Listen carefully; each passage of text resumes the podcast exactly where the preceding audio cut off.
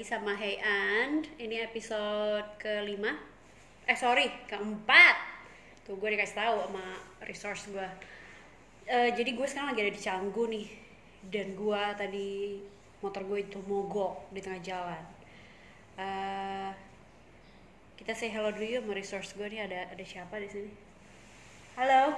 Hai, apa kabar? Kabar baik, kenapa jadi kaku gini, saudara-saudara? Karena lagi siang-siang bolong terus tiba-tiba panas di Canggu. Betul, dan gue ini sebenarnya dari Ubud ke Canggu. Ini tapi pertama kali di podcast akhirnya ketemu sama resource. Biasanya berjauhan pakai uh, Anchor software. Oke, jadi baru Jadi apa baru yang kabar? pertama ya. Kabar baik, kabar baik. Uh, jadi uh, mau sebut saya saja saya Mawar. Sebut saja nama saya Anggrek. Oh, salah. Anggrek.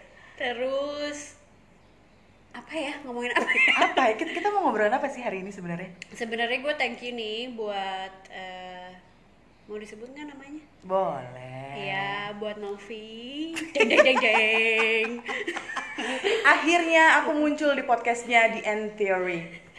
Hey Ann. Hey Ann, tapi kan nama IG lo di End Iya Theory, bener. right? Yes. Jadi eh, dia muncul di podcast gue yang akhirnya keempat, which is harusnya sebenarnya waktu itu podcast episode 1 Tapi kan ada konflik yang bikin gue nggak pede. Eh tapi ya lo jujur lo untuk episode 4 ini gue melakukan banyak research 4 hari terakhir. Oke. Banyak video, banyak nonton video, banyak baca, banyak supaya gue tahu apa yang mau ditanyain dan tidak menyinggung resource gue karena menurut gue episode yang sekarang itu eh, ini Gimana? agak triggering Gimana? triggering triggering ya untuk orang-orang yang mungkin eh, belum berani untuk dengar Mhm. jadi gue saranin untuk mendengar mendengarkan dengan pendampingan Mendengarkan dengan pendampingan. ya oke. mendengarkan dengan pendamping takutnya triggering Oke. Baik. gitu loh Bu Novi Begitu. Ah, gue juga agak-agak ini nih, apa namanya? Agak-agak agak-agak deg-degan nih kalau mau ngobrolin ini sebenarnya karena eh, ini kan private life ya kan. Private life, pengalaman pribadi yang gue alamin sendiri dan mungkin beberapa teman dekat gue juga ada yang udah tahu ceritanya kayak gimana gitu. Tapi pada akhirnya kenapa gue mau untuk di bring up to public karena gue percaya sama orang yang ada di sebelah gue karena dia bakalan apa ya kayak tujuannya untuk bring up ini tuh apa gitu. Ada message yang pengen dia sampein dari setiap podcast yang dia bikin. So that's why I'm confident to join with her today. Dadadada. Gila manual banget itunya sound backgroundnya. Kudu jadi ditambahin nanti ya next time ya dibikinin yang ini iya ini Yang- basic banget gue bawa tiba-tiba nggak bawa mic, nggak bawa phantom, nggak bawa mixer, nggak apa ya. nggak apa-apa Mudah-mudahan eh, apa sih podcast episode 4 ini tersampaikan message-nya yang tadi Mhm. Novi bilang bahwa kenapa akhirnya gue memutuskan untuk episode 4 Novi dan akhirnya brought up tim ini. Theme-nya adalah sedikit eh, gue sampaikan theme hari ini adalah kalau kalau bahasa Inggrisnya sih ya Aha, abusive relationship oke. uh, toxic relationship, hmm, terus terjebak dalam abusive relationship atau bahaya abusive relationship yang sering banyak orang nggak disadarin. Sebenarnya abusive relationship, blah, abusive relationship juga bisa terjadi sama pria juga ya. Tapi yang gue akan draw up di sini adalah seorang yang teman dekat gue juga satu, yang kedua memang dia uh, ada ada dalam situasi itu sebelumnya sampai akhirnya memutuskan untuk keluar dari situasi itu. Mhm. Sedikit sebelum kita jumping ngobrol sama Novi, ini yang gue baca kemarin yang mungkin juga bisa jadi eh, apa ya note buat semua yang mendengarkan punya anak perempuan atau punya anak laki-laki bahwa pada tahun 2017 itu catatan Komnas itu menunjukkan 259.150 kasus kekerasan terhadap perempuan Mhm. Dan itu itu dilaporkannya dan ditanganinya selama dua, selama 2016. Oke. Jadi ba- sampai du- start 2016 sampai sekarang itu belum terselesaikan. tapi ada juga jumlah kasus kekerasan dalam pacaran atau disebutnya KDP dan itu sebanyak 2171 yang terlapor dan yang melaporkan jadi eh, sekarang kita ngobrol sama Novi langsung bagaimana pengalaman dia akhirnya ada di sana dan bagaimana akhirnya dia survive dan bagaimana akhirnya dia eh, eh, melanjutkan hidupnya sampai sekarang. Oke, oke. tegang. tegang loh Pas dulu, Ah, bro. ah, Oke. tegang loh mau ngobrolin ini Jadi, assalamualaikum. Jadi eh, yang pertanyaannya sih- yang pertama sih pertanyaan gue ke lu itu eh, pada tahun berapa kejadian abusive relationship ini terjadi? oke Terus eh, bisa diceritain nggak kasus pertama kali itu seperti apa? bisa banget diceritain Oke. Oke, jadi eh, pertama kali gue ngalamin yang namanya eh, kekerasan dalam hubungan pacaran karena gue belum married, jadi pacaran. Waktu itu gue kelas 3 SMA.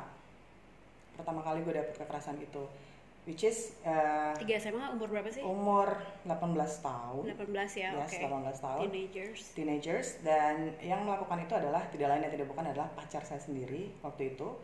Em, Ini pacar pertama ya? pacar bisa dibilang hmm, pacar pertama yang pacarannya juga cukup lumayan lama kurang lebih dua setengah tahun Oh lama ya? yes dua setengah tahun dengan beliau Eh, hal itu terjadi eh, pada saat ceritanya kayak gini. Waktu itu gue lulusan eh, acara kelulusan sekolah right? Acara lulusan sekolah eh, biasa kan anak-anak SMA lulus lulusan itu pasti pengen yang namanya konvoy atau pergi bareng-bareng sama teman-teman gitu. Nah kebetulan eh, sekolah gue sama rumahnya dia nggak terlalu jauh jaraknya. Jadi gue sebagai pacar yang baik waktu itu izin dong ke doi. Gue bilang gue mau pergi nih sama teman-teman gue pengen konvoy.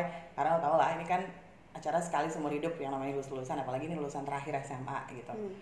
dan di situ dia yang buat apa lo join uh, kegiatan kayak gitu? Nggak penting mending lo stay aja atau lo pulang aja deh ke rumah. Nggak usah ikut ikutan konvoy atau apa pun itu. Gue masih bersikeras yang enggak lah gue pengen pergi sama teman-teman gue. Dan somehow dia tiba-tiba langsung la- uh, nampar gue Tanpa reason? di rumahnya yes tanpa reason nampar gue di rumahnya. Dan itu ada kedua orang tuanya di situ menyaksikan kejadian itu dan mereka tidak bereaksi apa pun Jadi mereka tidak bereaksi apa pun dan Hmm. itu nampar lu keras banget tuh. itu nampar lumayan keras karena jujur belum pernah gue menerima sesuatu yang seperti itu orang tua sendiri orang tua gue sendiri aja nggak pernah ngomong kasar sama gue sekarang tiba-tiba ada laki-laki yang langsung pak gitu nampar gue di depan keluarganya depan orang tuanya yang menurut gue seharusnya waktu itu orang tuanya dia juga bisa bukan memberi, ya memberikan pembelaan lah eh, terhadap gue yang notabene bukan siapa-siapanya mereka, amin gue bukan anggota keluarga mereka gitu kan. Harusnya orang tuanya orang tuanya doi itu bisa melerai keadaan itu, tapi yang gue dapat adalah kebalikannya. Orang tuanya malah ngediamin dan udah ngebiarin itu aja. Sampai akhirnya kita ribut, eh, adu argumen saat itu dan akhirnya gue memilih untuk ya udah gue pulang gue pergi dengan mata sembam gue pulang ke rumah dan pas sampai di rumah orang tua nanya kenapa? Kenapa kayak gitu? Gitu maksudnya pulang dengan mata sembam terus dengan eh, raut muka yang sedih gitu ya kan. Hmm. gue cuman bisa bilang gak ada apa-apa. Cuman tadi ada sedikit masalah di sekolah sama teman-teman udah that's it udah. Jadi hari itu sudah berlalu begitu aja. Itu pertama kali gue dapet yang namanya eh, kekerasan dalam hubungan Umur 18 umur tahun 18 tahun dapat kekerasan secara fisik ya. secara fisik Tapi sebelumnya pernah nggak dia verbal verbal abusive? Kalau orang ini, laki-laki ini Hmm. tidak pernah ngomong yang kasar. Belum Oke. pernah ada kekerasan secara verbal dari dia. Tapi hal pertama yang gue dapat adalah kekerasan secara fisik dari orang ini. Dan itu berlangsung setelah itu yang pertama kali dan itu berlangsung hampir satu setengah tahun setelah kami menjalani hubungan sampai sekitar gue umur 18 satu setengah tahun berarti 20 ya Sekitar umur segitu ya, Ya, menuju ke umur- 20. mm, menuju ke 20 Pada saat pada saat dia nampar nih ya, Mhm. pada saat itu bilang, "Oke, gue mau konvoy nih sama teman-teman." Mhm. terus dia nampar lu Mhm. Eh, respon lu pertama kali pada saat itu adalah kaget kaget tapi freeze berarti ya yes karena nggak gue nggak gue nggak expect itu akan terjadi sama gue Mm-mm. di depan orang tuanya. gitu. Jadi benar-benar yang kayak ngeblank gue nggak tahu gue harus ngapain gue cuma bisa nangis berargumen tapi tetap aja gue ngerasa gue kalah. Hmm. akhirnya gue pulang.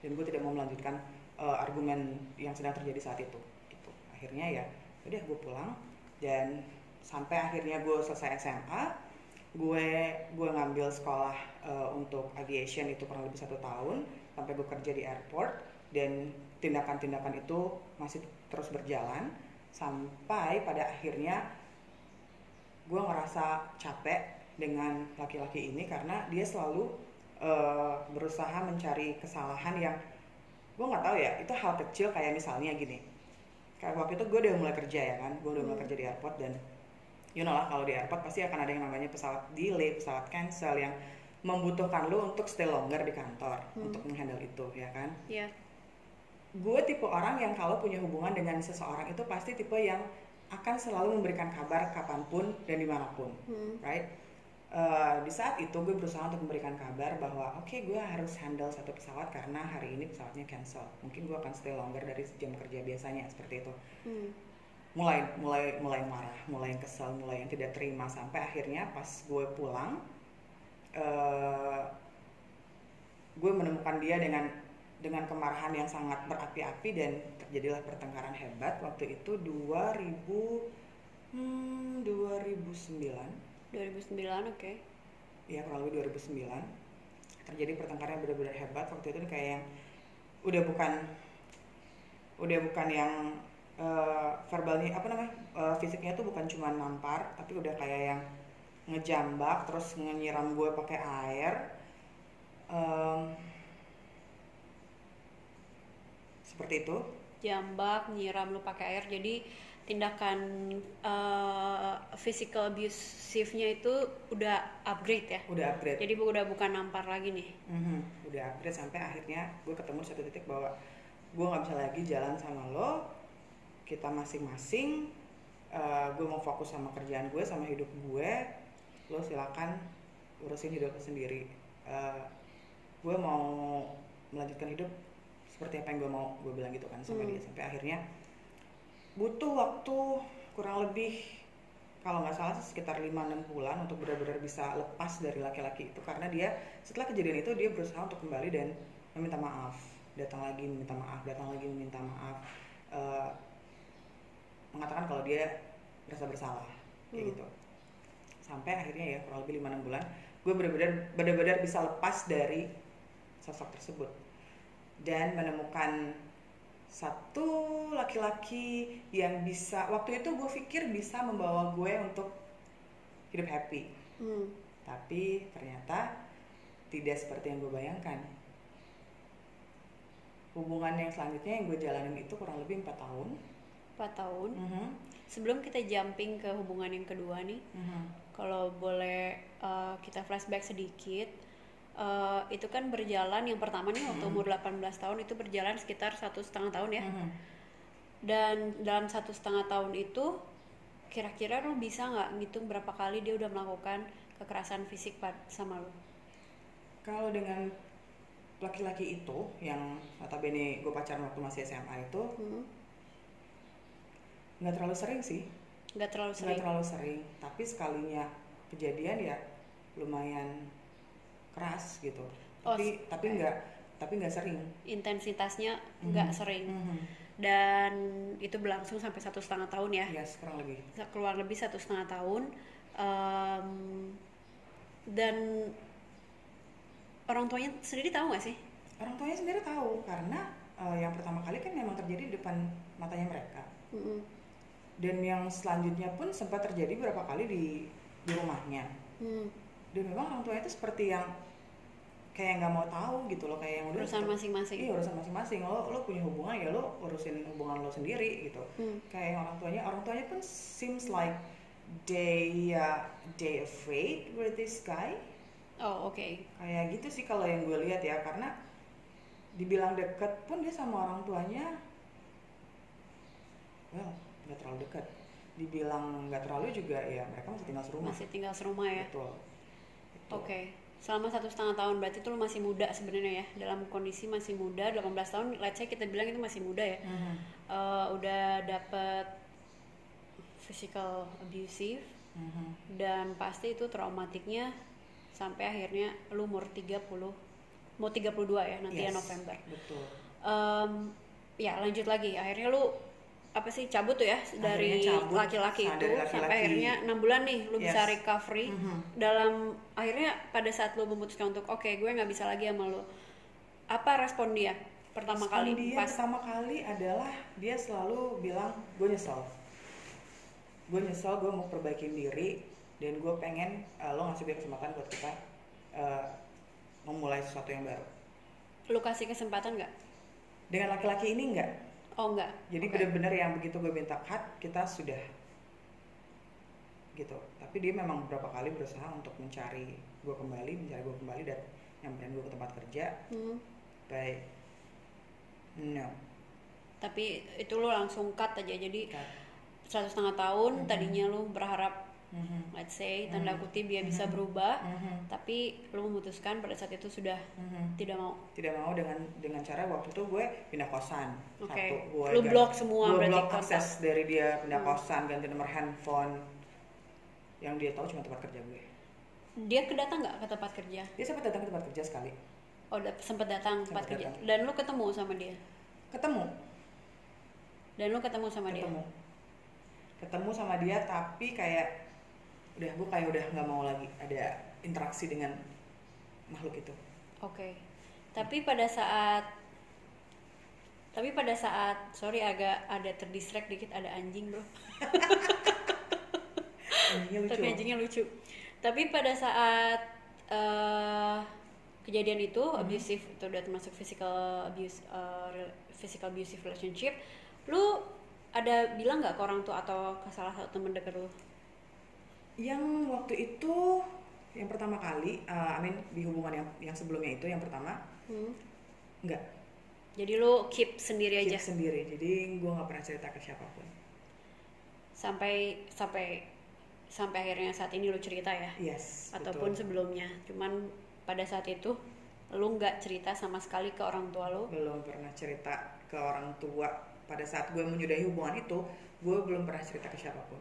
Oke gitu akhirnya selesai dalam enam bulan lu recovery akhirnya selesai 6 bulan recovery gue kayak menjalani hidup baru gitu dengan gue menikmati pekerjaan gue kerja di airport Hmm. terus gue akhirnya eh, punya satu orang yang deket gitu kan Hmm. dan kebetulan kita juga satu kantor satu departemen Hmm. eh gue pikir bakal menyenangkan gitu kan punya pacar yang satu kantor Hmm. satu tempat kerja yang satu schedule yang bakalan bareng tiap hari which is karena gue orangnya kadang agak sedikit posesif kalau berhubungan. Maksudnya kayak yang gue pengen banget harus selalu bersama selalu, selalu gitu. bersama benar kayak gitu tipenya.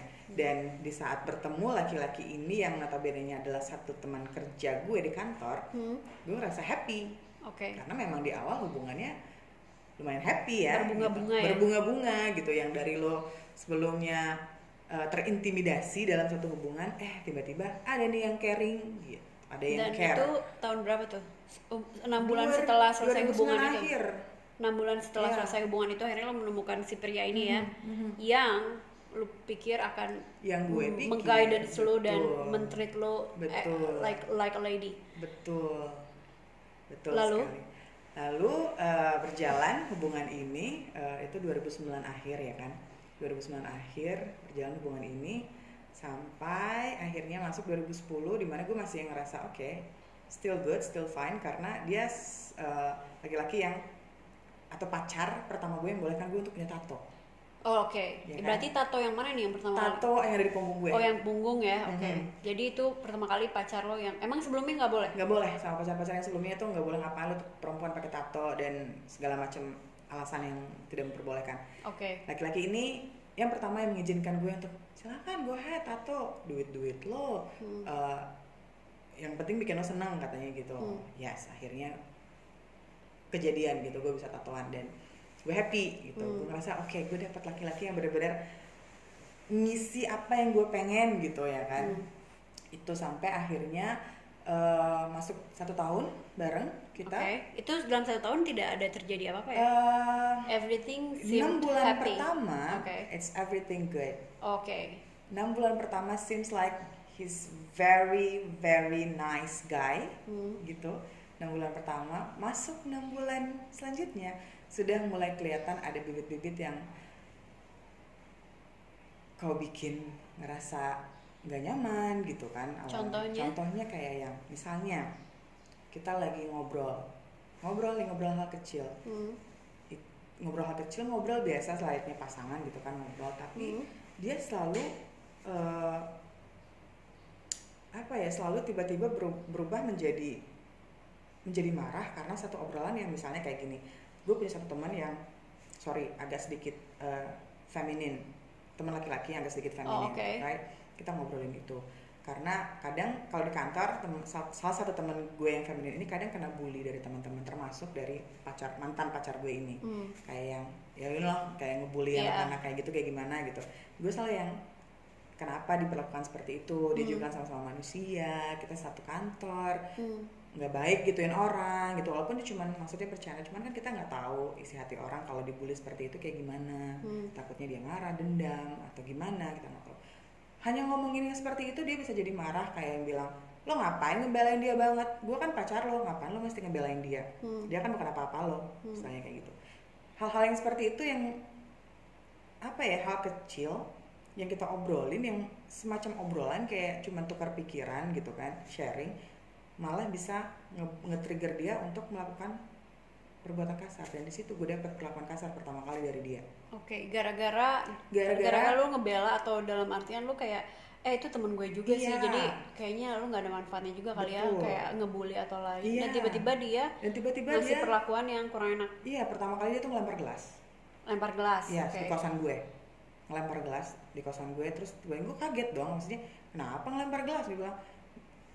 Lalu dia yang kayak ngapain lo ngebelain dia? Gue nggak terima lo ngebelain dia sementara lo pacar gue dan dan lo lebih ngebelain orang lain dia selalu ngomong seperti itu. Hmm. Di situ pertama kali dia ngelempar gelas, setelah ngelempar gelas dia nampar gue. nampar lagi Nampar pada lagi. saat nampar gelas Mhm. lu freeze diem aja Gue nanya? aja. Gue diam kayak kenapa lempar gelas? Dan dia ngasih tapi gue nggak ada itu. melakukan ah, maksudnya gue sambil duduk ya waktu itu posisinya. Posisinya gue lagi duduk terus dia tiba-tiba ngelempar gelas gitu aja terus kayak kenapa nih orang? Hmm. langsung kaget kan maksudnya jangan sampai jangan dalam hati gue berpikir jangan sampai gue nemenin orang yang sama lagi nih kayak tapi yang lu sempet nggak tiba-tiba pada saat dia lempar gelas tiba-tiba lu kayak ke trigger juga flashback? Aduh iya iya iya jadi kayak yang kok kayak gini? Kemarin-kemarin baik-baik aja gitu kenapa tiba-tiba jadi seperti ini cuman ngobrolin masalah hal ringan gitu ya kan Hmm. tiba-tiba dia jadi melakukan perbuatan itu dan setelah dia ngelempar gelas dia nampar gue terus dia narik gue ke kamar mandi nariknya narik, nariknya ngejambak rambut gue narik ngejambak rambut lo Mhm, ditarik ke kamar mandi Mm-mm. oke mhm.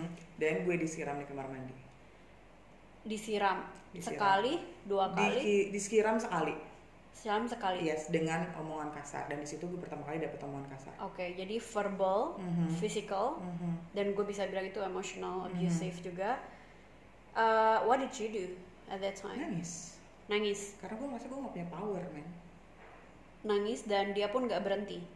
Di saat gue nangis dia berhenti dan dia diam diam dia dia, dia cuma diam dia ngebiarin gue nangis. Dia cuma setelah itu dia pergi setelah itu dia dia pergi pergi tanpa ngomong atau minta maaf. Oke. Itu. Dan itu enam bulan yang kedua ya? Itu enam bulan kedua setelah udah kita menjalani ter hubungan. terlihat bahwa there's a red sign actually. Mhm. dan setelah itu? Dan setelah itu tapi biasanya apa sih yang menjadi trigger hal-hal kecil dia- sih hal-hal kecil yang yang yang yang nge-trigger dia. Terus juga setelah kejadian itu Hmm. oke kita berusaha berhubungan seperti biasa gitu. Karena gue tipikal perempuan yang agak sulit untuk bisa jalan atau hidup sendiri. Hmm, Ya nggak kan? bisa sendiri. Nggak bisa sendiri intinya gitu. Gue oke gue akan bertahan di situ karena gue ngerasa lu cinta sama gue Hmm, itu jadi di pikiran hmm, gue dan kejadian itu terus berulang berulang berulang berapa kali? Berulang berulang berulang berulang dalam Dalam artian? dalam arti eh, oke misalnya kayak sekarang bulan kemarin nih dia ngelakuin hal itu sama gue bulan itu kejadian lagi gitu cuman karena hal kecil. Dan itu karena hal kecil Dan ya itu karena hal triggernya. kecil, yes, bukan betul. let's say lu melakukan tindakan yang benar-benar salah gitu. Tapi itu trigger hanya hal kecil. Hanya dari ngobrolan-obrolan kecil yang kita lakukan. Dan gue selalu berpikir bahwa hal itu dilakuin mungkin karena dia sayang sama gue. Oke. Dia mempertahankan gue karena dia nggak mau gue menjadi apa ya jadi perempuan yang lebih ngebelain orang lain dibanding pacarnya atau jadi perempuan yang lebih uh, pro ke orang lain dibanding ke pacarnya sendiri.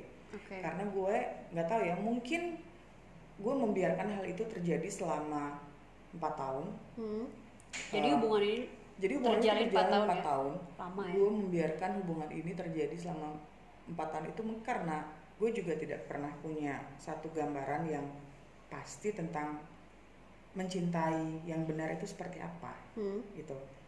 Hmm, kalau mau dirunut lagi ke belakang, Hmm. kenapa gue bisa membiarkan diri gue ada di posisi seperti itu? Mungkin karena ada pengalaman di masa kecil yang terjadi sama diri gue. Hmm, jadi ada traumatik ya, ada kita let's say post traumatic syndrome atau traumatik pada Hmm. masa kecil. Mm-mm. Eh, sehingga lu bertahan di hubungan itu Mhm. sampai lu berpikir. Mm-mm. Jadi let's say lah, jadi gue selalu ber- selalu berpikir bahwa orang yang abusive itu adalah orang yang manipulatif.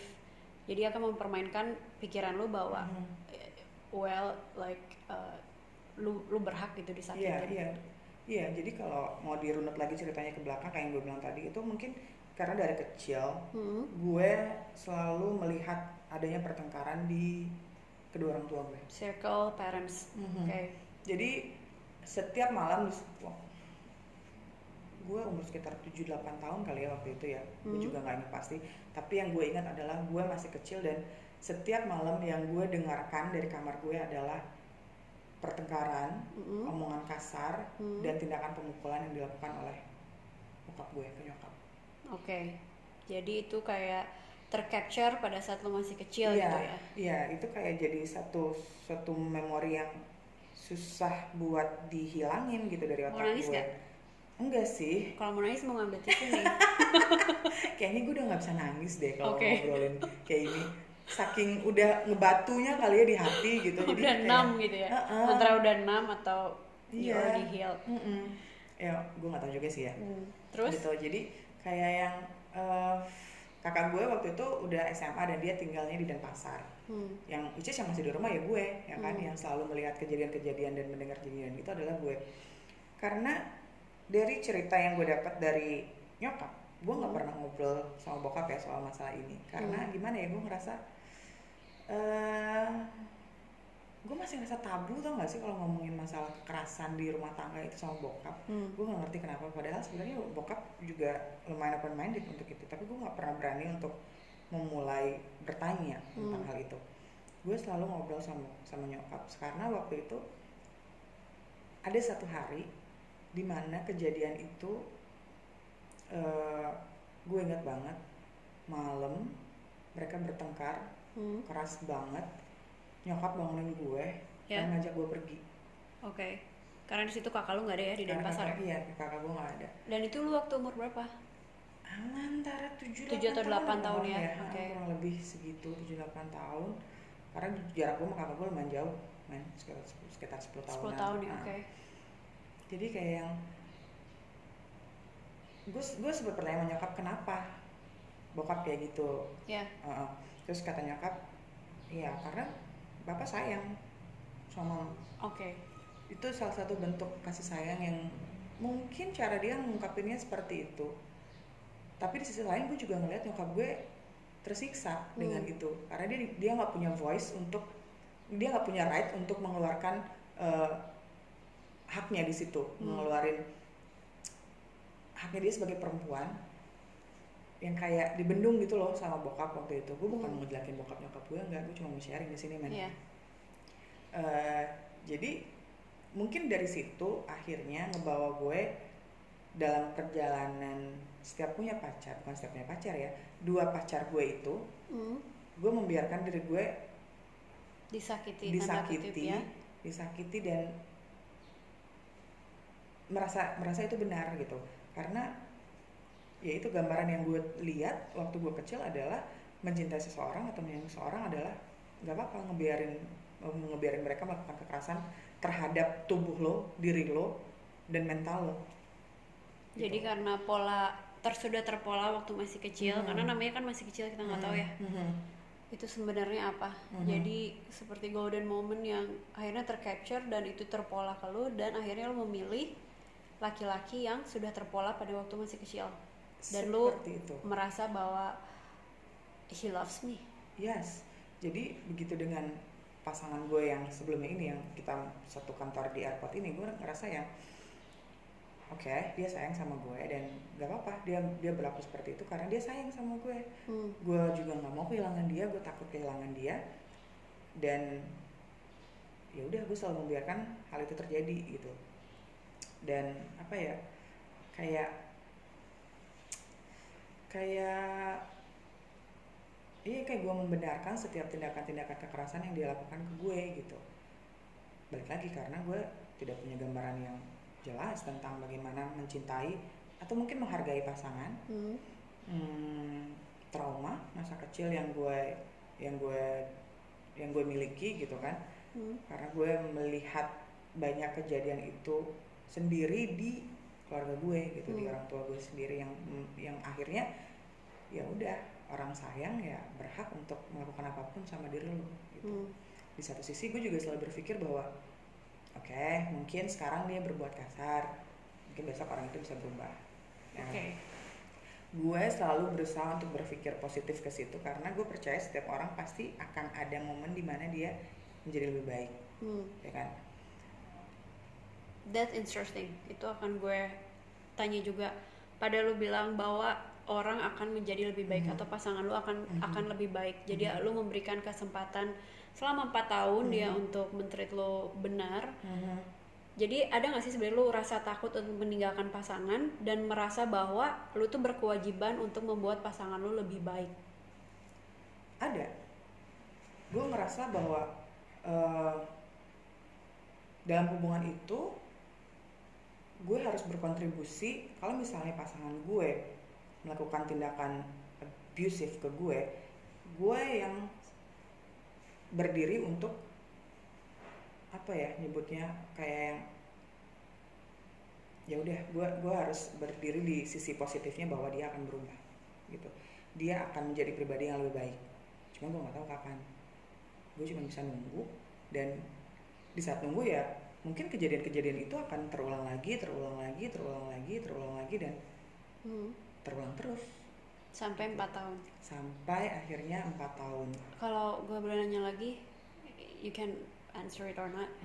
Yang paling parah yang dilakukan ini yang pasangan yang kedua ya. Hmm. Yang paling Hmm. parah yang dilakukan physical abusive-nya itu apa dan ngapain? Yang paling parah. yang paling parah yang dilakukan ke gue banyak Oh banyak, oke. banyak salah satunya waktu itu gue lagi ada di kosan pulang Oke. kerja karena kebetulan kita waktu itu nggak lagi satu shift Hmm. kita beda shift Hmm. gue pulang kerja dia datang nyamperin gue ke kosan Hmm. mabok Oh, dalam keadaan uh, intoxicated. mabok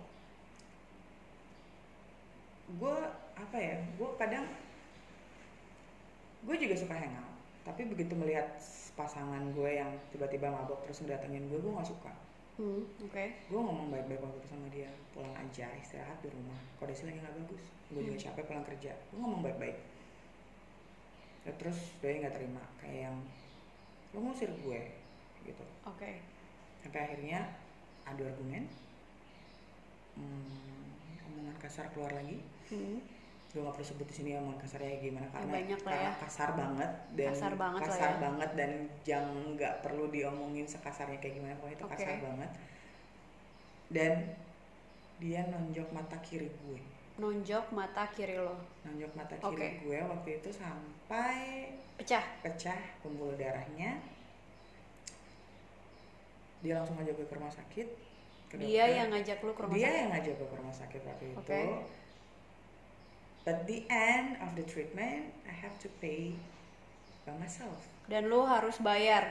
gue bayar sendiri pakai Oke. duit gue dokter nanya Oke. kenapa gue bilang gue jatuh di kamar mandi men oke karena gue nggak mungkin dong ngejatuhin dia di depan dokter yang lagi meriksa gue kan dia dan dalam gue. keadaan itu pun lo masih bisa cover dia iya right? karena iya karena gue ngerasa dia bagian dari gue gue nggak mungkin bakal bikin dia kelihatan buruk gitu oke gitu loh jadi ya udah akhirnya waktu itu dia ngajak gue ke dokter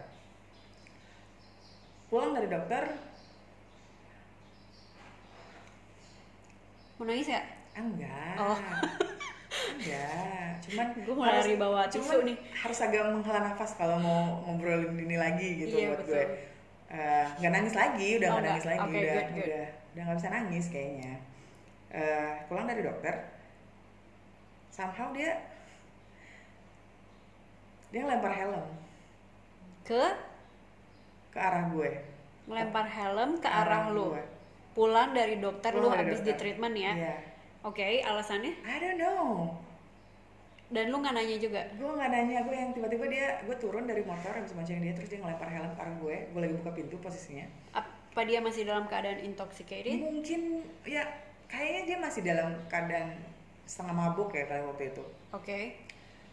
Dia ngelempar dia ngelempar helm kalau gue untungnya nggak kena. Gitu tuh untungnya nggak kena.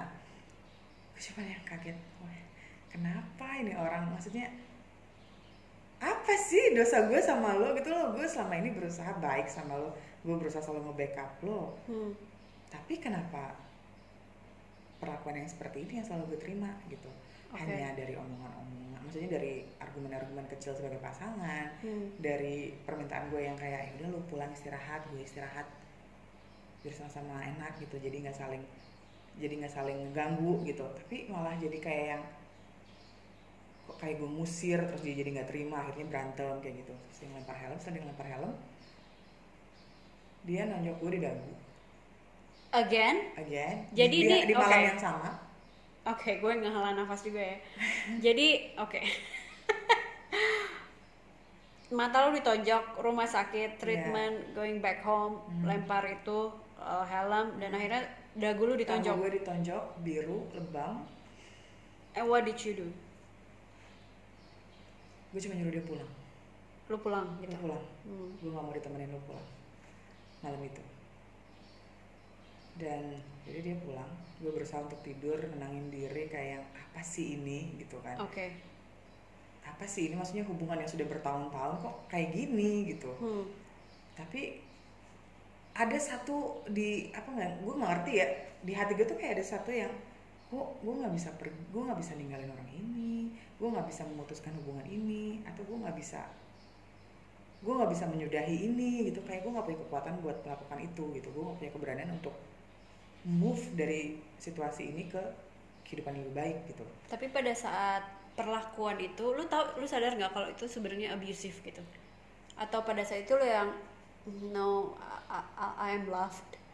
I'm in love Oke, I try to close my eyes everything oke, gue cuma ngeliat oke mungkin gue ada salah sampai dia begitu gue Oke. gue selalu gue selalu Sel- menyalahkan oke. diri gue That's akhirnya actually that's yang gue bilang bahwa seorang yang abuser itu adalah seorang yang manipulatif. Jadi sebagai bagaimanapun caranya dia akan membuat lu merasa selalu bersalah. Iya, selalu- Sistem brain lu itu akan selalu dilakukan benar seperti gue akan itu. selalu ngerasa oke gue ada yang salah nih sampai akhirnya dia begitu oh gue ada yang kurang baik nih sampai akhirnya dia begitu dan begitu selama empat tahun For years. four years 2009 10 Tapi pada saat 10, ditonjok itu lo sempet yang oh no that's it.